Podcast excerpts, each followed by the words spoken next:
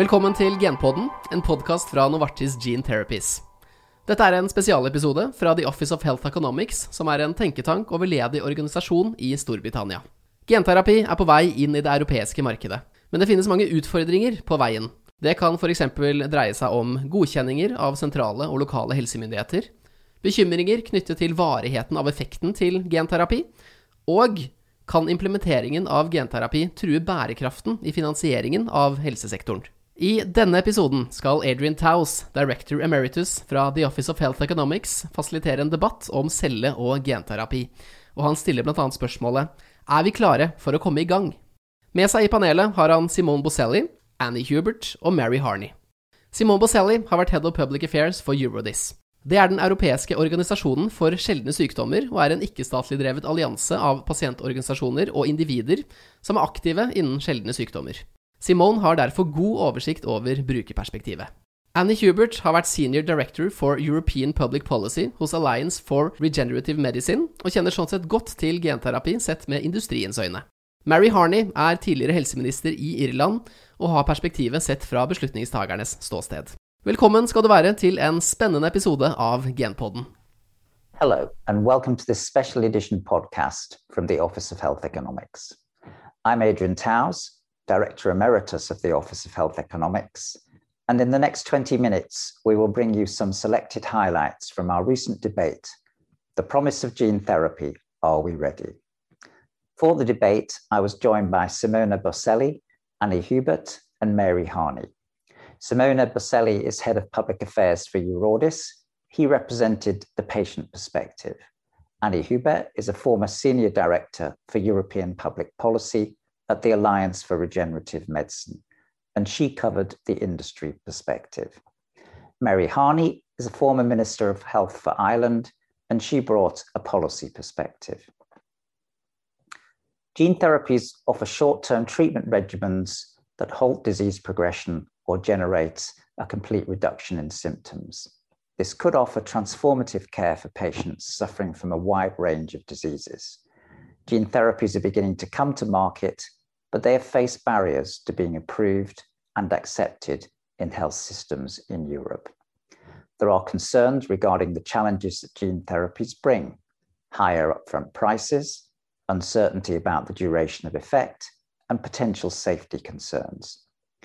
Questions are also being raised in Europe around whether adopting this technology into routine clinical care threatens the financial sustainability of health systems.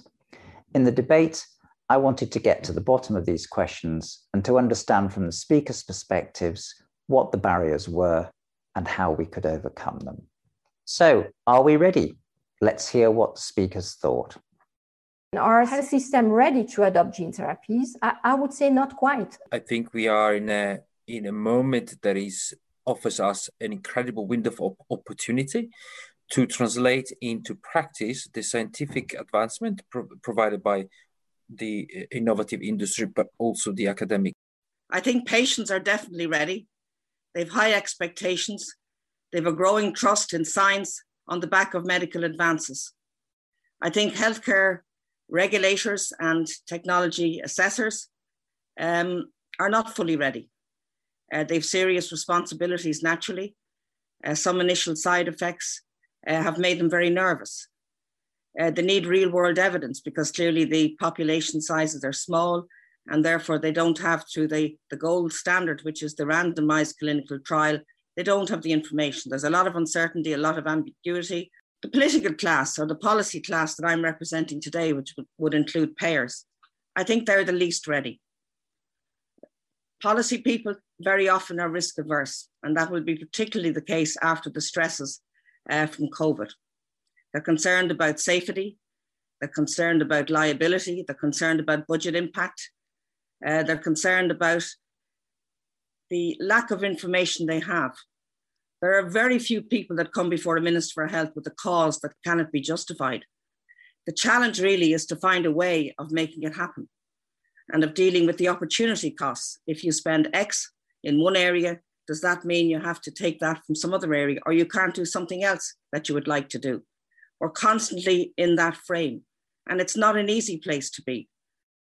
Healthcare policymakers, payers see, see the current number as the thin end of the wedge, and that's what worries them. If you ask me, are the health systems ready uh, for gene therapies? Not as they're currently structured.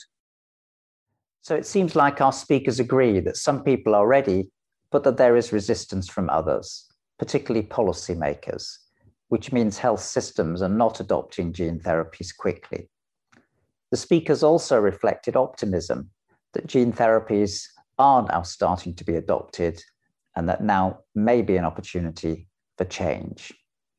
But what are the changes that should be made? And what are the barriers that we are trying to overcome? One of the issues mentioned repeatedly was of uncertainty about long term effectiveness and a lack of data. Here's Annie Hubert, former Senior Director of European Public Policy at the Alliance for Regenerative Medicine, to explain where this uncertainty comes from and why it's a problem. Because of the magnitude effect, these products get very rapid approval, conditional approval. So regulators make sure that these products are approved quickly. But that moves the problem then back to payers and HTA because they have to assess these products on very different grounds. They do not typically have the randomized clinical trials that they use to that they like to have to assess the value of the product there's a number of difficulties. That the sample size very often is, is very limited. So it's, it's much more difficult for them to assess based on the data. Plus, the, because of the long-lasting nature of, the, of, the, um, of these products, they have absolutely no certainty that these effects will, will you know, prolong over time, will be long-lasting, potentially life lifelong. So they have to deal with a lot of uncertainties, and typically payers do not like, and HTA do not like uncertainties. Mary Harney, former Minister of Health for Ireland, explained the uncertainty for payers and policymakers. The gathering of the information, which in itself is the evidence, not only will it help to be able to have value based payments and pay for performance, it will also help to, um, to influence research and innovation for the future. That means we have to put in place um, infrastructure uh, to gather the data. Many healthcare systems don't have electronic uh, medical records at scale, have huge uh, infrastructural deficits and gaps. We don't have patient registries. We do in cancer, but in many other areas we don't. So uncertainty appears to be an issue, particularly for payers, but this has been managed by regulators the infrastructure needed for data collection that may reduce uncertainty around the long term effect of gene therapies may not be fit for purpose in many health systems. All of our speakers agreed that there was a role for the European Union in overcoming this barrier of uncertainty. Here are some examples. Is to support uh, the entry innovation with potentially a fund uh, uh, at European level to support uh, the uh, uh, data gathering and real world evidence generation to support these therapies. For some cases, some indication ex- registries exist, but there's clearly a lack of um, European platform. I mean, I'm not even talking uh, you know, broader than Europe, but a, a, European platform for collecting real world evidence where you can really have um, common standards for um, collecting the data, um, analyzing, interpreting the data, um, having common language. I think where Europe has a huge role to play is in the um, in the regula- regulatory side, um, trying to bring some consistency, trying to agree what, what, we're going to look for. Uh, on the on the data side, as I said earlier, everything hangs now on the data, um, and that the lack of data will be used not to pay for these therapies if we don't agree um, what kind of what information we're looking for. If we don't agree how it's collected, how it's stored, the protocols around patient privacy and security, etc., the governance of it, uh, and I think that's a role for the European Union. One example of a policy that is currently being implemented is the European health data space we discuss this and how it can be applied. The European Commission have committed to a European health data space uh, being created before uh, 2025. I think it's an obvious opportunity to have a pan European approach because of the small populations in the main to the gathering of the data, the creating uh, creation of the registries, the curating uh, of, of the data, and we have to all agree what data are we looking for. Whilst the European health data space is a step in the right direction, it has not been developed specifically for gene therapies. Annie suggested that using gene therapies as a pilot would be beneficial. Having some pilot and fast tracking gene therapies as a matter of priority for the real world evidence is something that we are very keen to see as an industry. Another issue discussed by the speakers was cross border care. This is where patients travel to another country for treatment that they would otherwise not be able to receive in their own country. This is already happening in Europe, but it may be particularly relevant for specialist therapies like gene therapy. Here's Annie to explain. Approximately half of the products in development address rare or ultra rare indication.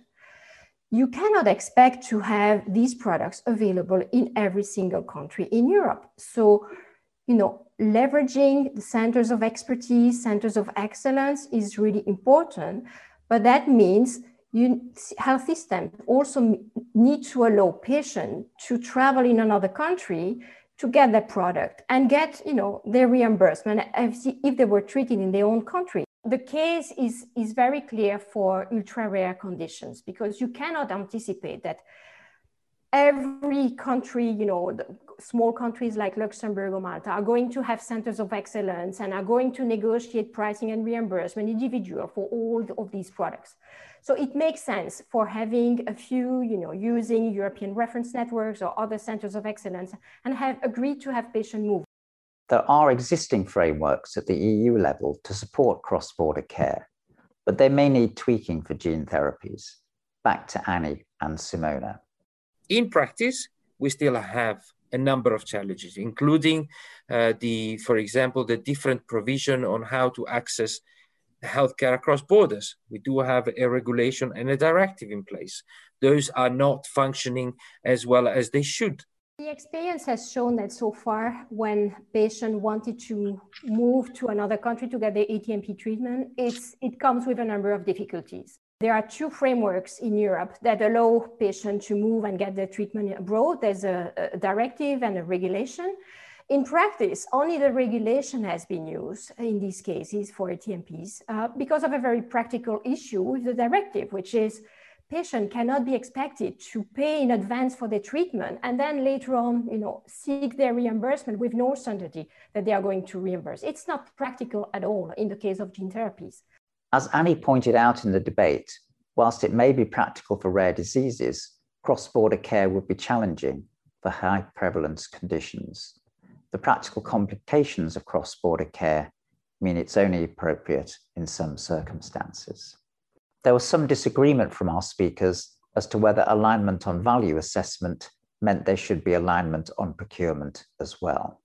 Making sure that Europe has a common agreement on the clinical value of, uh, of, of the products. So having the HTA regulation as initially proposed by the European Commission adopted with a common clinical value assessment of these products. So not taking cost consideration, but at least have a baseline uh, common understanding of the, the value this product brings is a first step. Clearly, having already in place a EU27 regulatory framework that is strong, that is working well, and coupling it with potential joint clinical assessment at HTA level, valid for Europe, plus a, um, a negotiating table made up of all of the uh, all of the countries that would like to negotiate the value and the price of uh, the these therapies together with the possibility given by the provision of accessing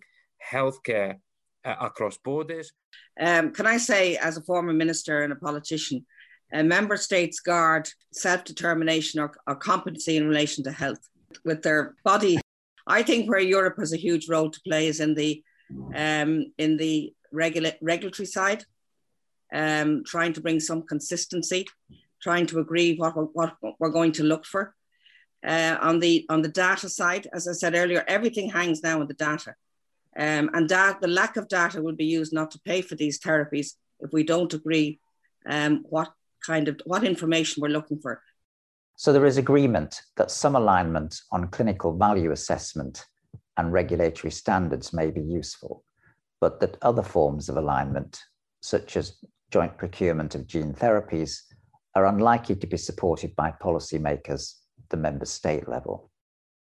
The final theme we will highlight today is payment models and how they can be used to overcome the affordability and uncertainty challenges of gene therapies. Innovative payment models need to be better adopted.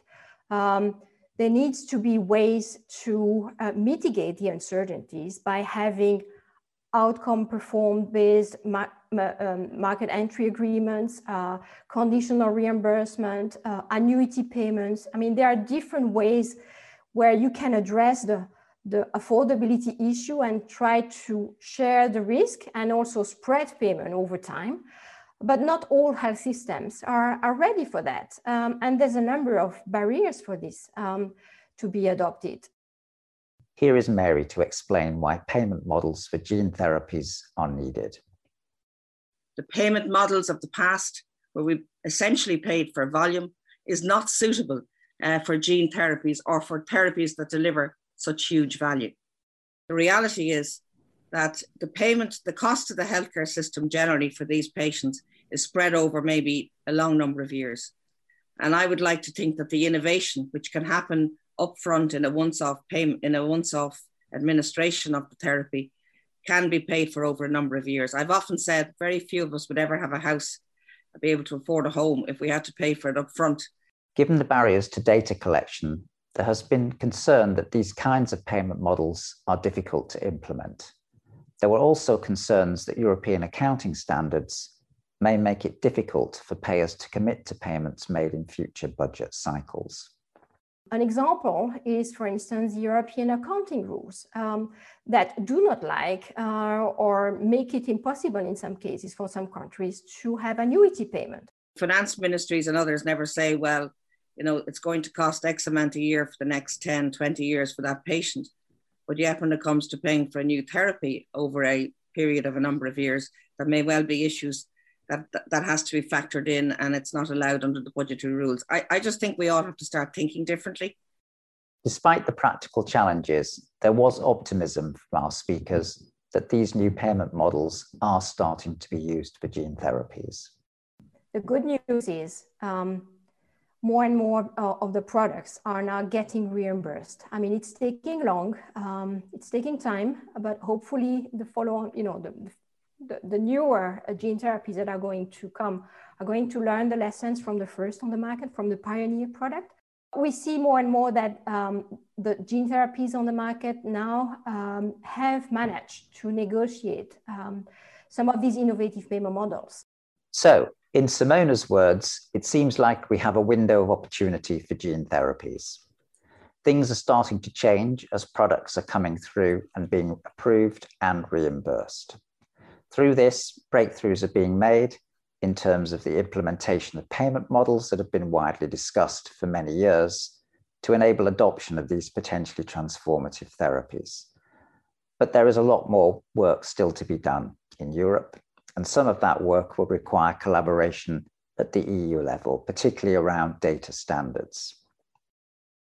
I hope you enjoyed this special edition podcast, giving you some selected highlights from our debate on gene therapies.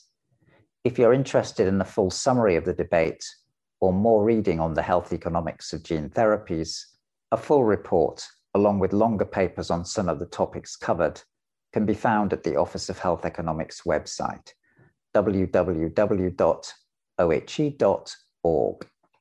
Thank you for listening. Takk for at du har lyttet til denne spesialepisoden av Genpodden. Er du interessert i å høre hele debatten du nå har hørt et utdrag fra? Du finner hele debatten og rapporten som har blitt diskutert på nettsidene til The Office of Health Economics, som du finner på ohe.org. Vi høres snart igjen til en ny episode av Genpodden.